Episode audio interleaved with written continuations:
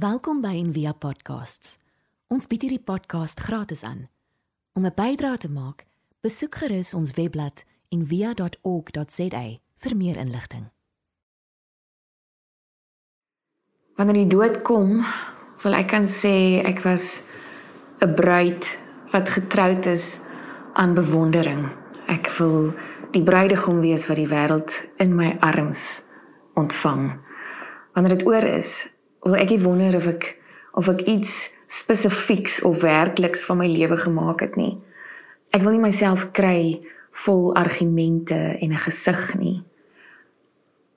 As dit oor is, wil ek nie dink ek het maar net hierdie wêreld vinnig kom besoek nie. Mary Oliver wat dit ding so raak kan sê. En onlangs um, het die dood vir my regtig meer as 'n preektema of 'n 'n TED Talk geword. Uh, dis 'n werklikheid en ek dink dis universeel. Ek het net hierdie week of wat um twee gedenkdienste gedoen van van jong mense rondom die 40. En eintlik hang ons almal se lewe aan 'n draadjie. Ons weet nooit werklik of ons jonk of oud is nie. Ons kom in hierdie lewe in met die dood as 'n werklikheid. Ek het um ons was so 'n paar jaar terug in 'n vroue groep en daar het ek regtig diep begin omgang met um met Kim, Kim Walsher wat deel is van ons gemeenskap. En ek het altyd gewonder hoe Kim se oë so vol lewe is. Dis asof sy ekstra oë het. Dis asof sy ekstra lig en lewe in haar in haar oë en in haar siel omdra.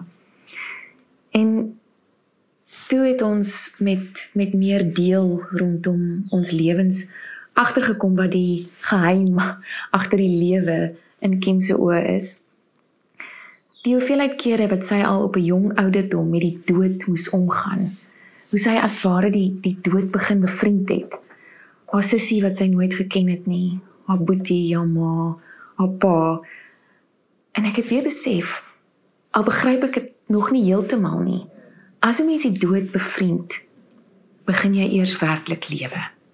So ek wil nie vir oggend oor die dood praat as 'n as 'n neerdrukkende, neerslagtige realiteit wat in ons almal se nekke blaas nie, maar as 'n uitnodiging om om met groter oorgawe te lewe. Om merke van lewe te laat waar ons ook al gaan.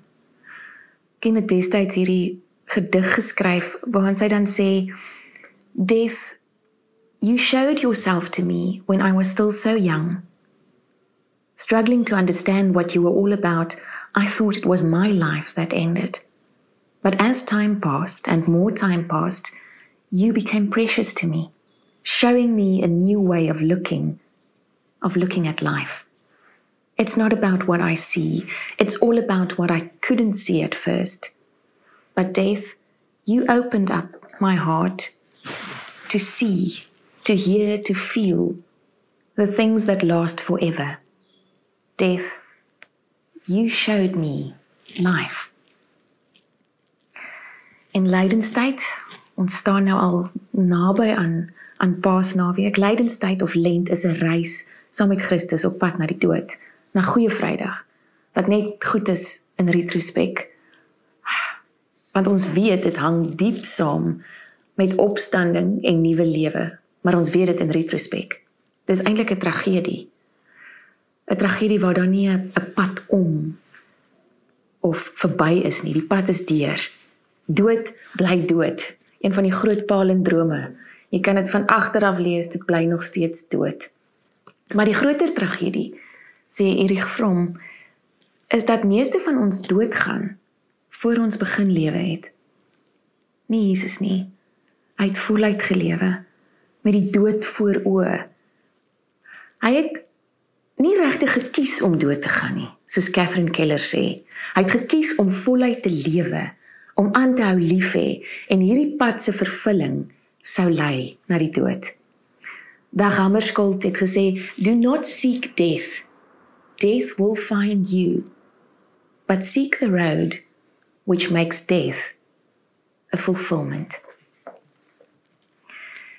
Ons skuif die dood die heeltyd op die periferie, op die kantlyn. En um, ons gebruik velprodukte wat die wat die dood verder laat voel. Ons ons oefen harder om meer weerstand teen erosie op te bou. Ons koop goed waarvan die boodskap in wese eintlik is: as jy my koop, gaan jy langer leef. Gaan jy meer sekerheid hê van jou bestaan.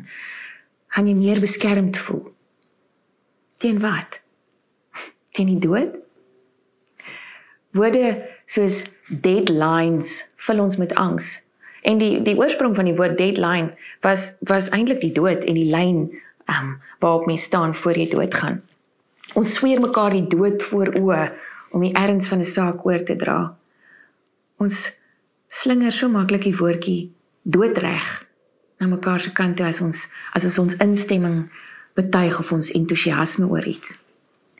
Maar is ons regtig doodreg? Is ons God gereed? Richard Rohr sê your attitude toward death is your attitude toward God.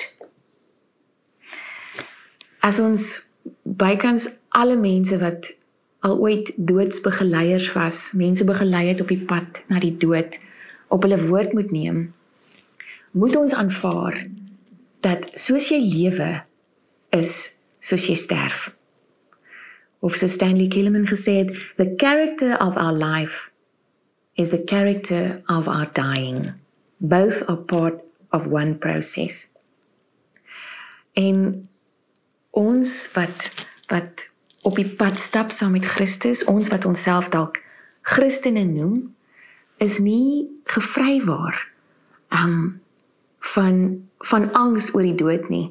Doodsbegeleiers sê um op daai oomblik wanneer die dood aan jou deur kom klop, um maak dit baie keer nie saak wat jy glo op papier nie. Hulle kan nie eintlik 'n verskil sien in mense wat hulle self ongelowiges noem op papier of mense wat hulle self gelowiges noem op papier nie. Dit gaan oor hoe hoe hierdie sentiment um, wat jy in jou kop ronddra, jou geloof op papier, hoe dit hoe dit hoe dit ingesink het in jou lewe. Dit bepaal hoe jy doodgaan. En vir baie van ons vervul dit met angs, die idee dat soos jy lewe is, soos jy sterwe. Want angs, as my lewe so angsbevange is, hoe gaan my dood wees? Maar om Breiten Breitenberg se woord te gebruik, my medesterwendes. Angs is nie 'n sonde nie. Ek kan nie vir een oomblik glo dat angs 'n sonde is nie. Angs is 'n uitnodiging tot oorgawe. Doodsangs is nie 'n sonde nie, dis 'n uitnodiging tot lewensoorgawe. Dis die dis die geskenk van angs. As ons moet kyk na na Jesus se laaste oomblikke, is dit is dit vir ons tot bemoediging. Dis nie 'n goeie Vrydag nie. Nie terwyl hy doodgaan nie. Maar dit moet vir ons tot bemoediging wees dat hy die woorde uiter, "My God, my God, waarom het U my verlaat?" Frederik Begner noem dit die grootste liefdeslied wat ooit geskryf is, wat nooit die trefferparades gaan haal nie. Jesus is die man wat vir ons geleer het hoe om te bid, "Onse Vader wat in die hemel is, onse Vader." gemeenskaplik. En hier bid hy my God, my God. Hy kies om nie te sê Abba, Papi nie. Hy kies om te sê my God, my God. Maar tog steeds my God, my God. Wanneer hy God nêrens kan sien nie. Wanneer God nie vir hom sigbaar of hoorbaar is nie. Wanneer hy vir 'n oomblik moet twyfel oor God se bestaan, roep hy of roep God in hom nog steeds na God. En dis 'n intieme love song, soos wat Friedrich Beckner sê. My God, my God, waarom het U my verlaat? Martin Luther het gesê, dis byna ondenkbaar. God van God verlate. Hoe hoe verklaar 'n mens dit? Ons kan nie. Maar ons weet van die vorige aand af. En seker op 'n manier ook deur Jesus se hele lewe moes hy bietjie verlate gevoel het van God, van die die skeiding van God om om vir ons mens te word. Die vorige aand het hy bloed gesweet. Angs. Maar my God, my God, waarom het U my verlaat? Word Vader In u hande gee ek my gees oor. Dis die uitnodiging van angs in die lewe en in die dood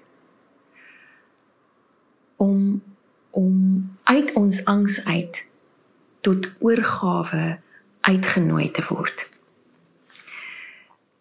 Um C.S. Lewis het het gesê uh, vir vir Christene om te sê ons is nie bang vir God of ons is nie bang vir die dood nie.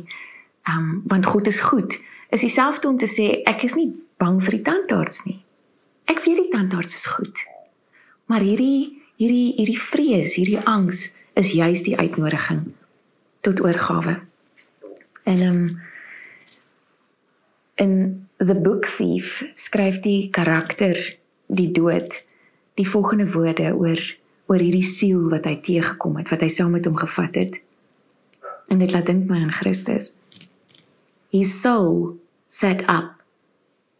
It met me. Those kind of souls always do the best ones, the ones who rise up and say, I know who you are, and I'm ready. Not that I want to go, of course, but I will come.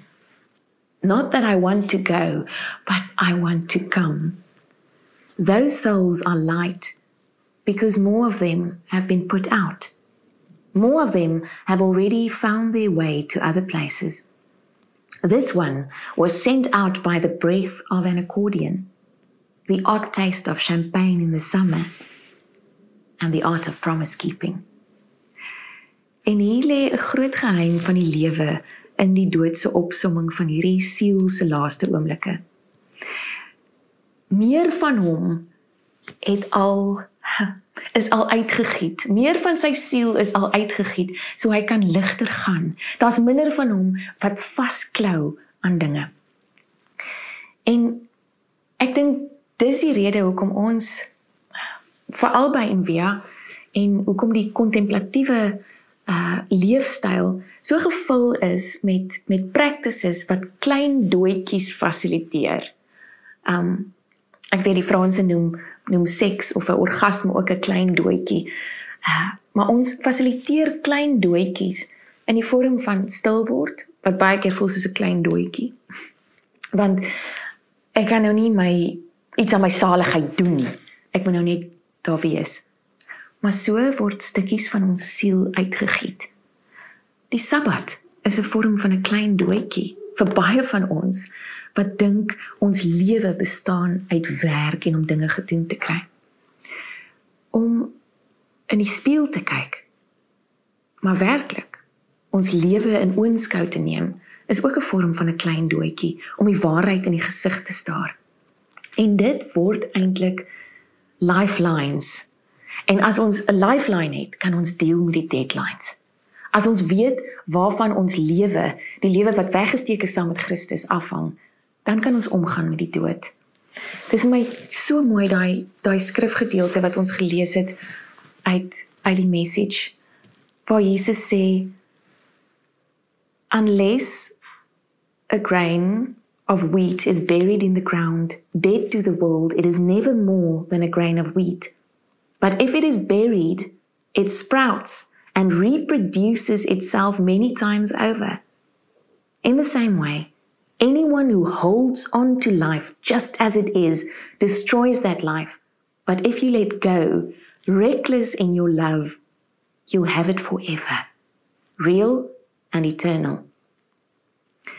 En dan sê hy hierdie woorde wat vir my so bemoedigend is. Right now, I am shaken. And what am I going to say? Father, get me out of this? No. This is why I came in the first place. I'll say, Father, put your glory on display.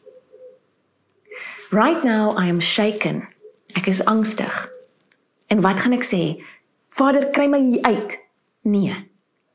Ek gaan sê, Vader, wys u glorie deur my. Angs kan ons of dieper aftrek in in sielswroging of dit kan ons lei tot oorgawe en dis die geskenk.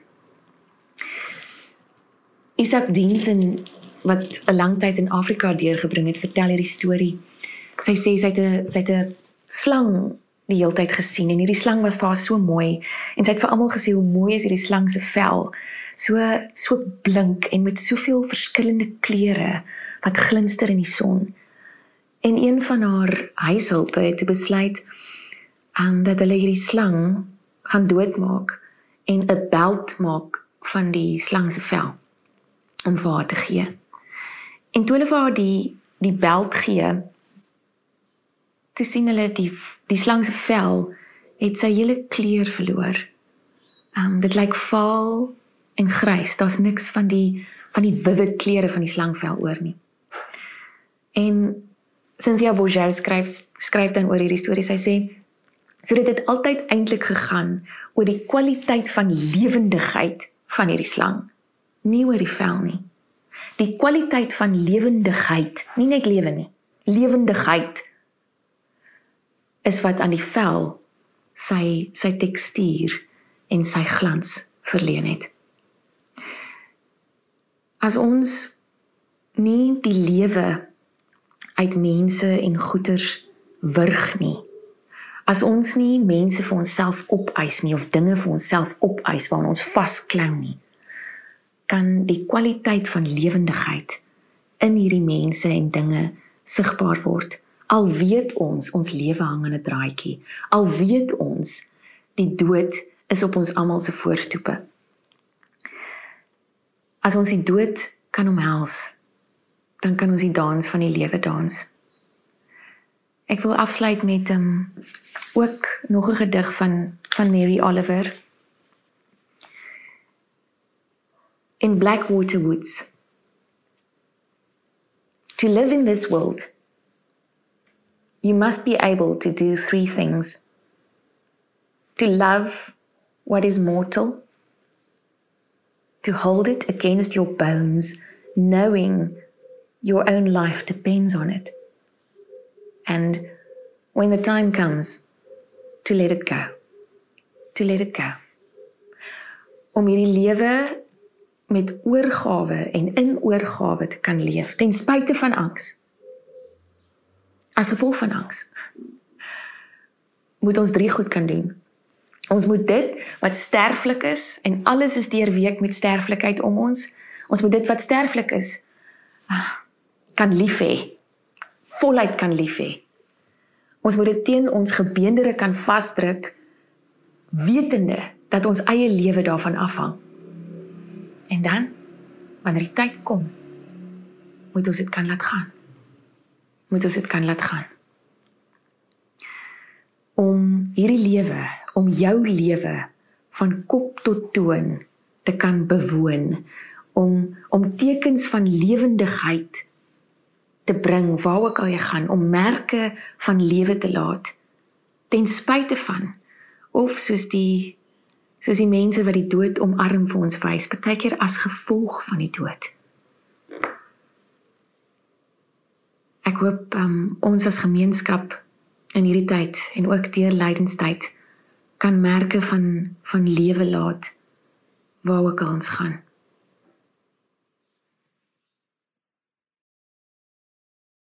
Ons hoop van harte jy het hierdie podcast geniet of raadsaam gevind. Besoek gerus en via.ok.za vir meer inligting.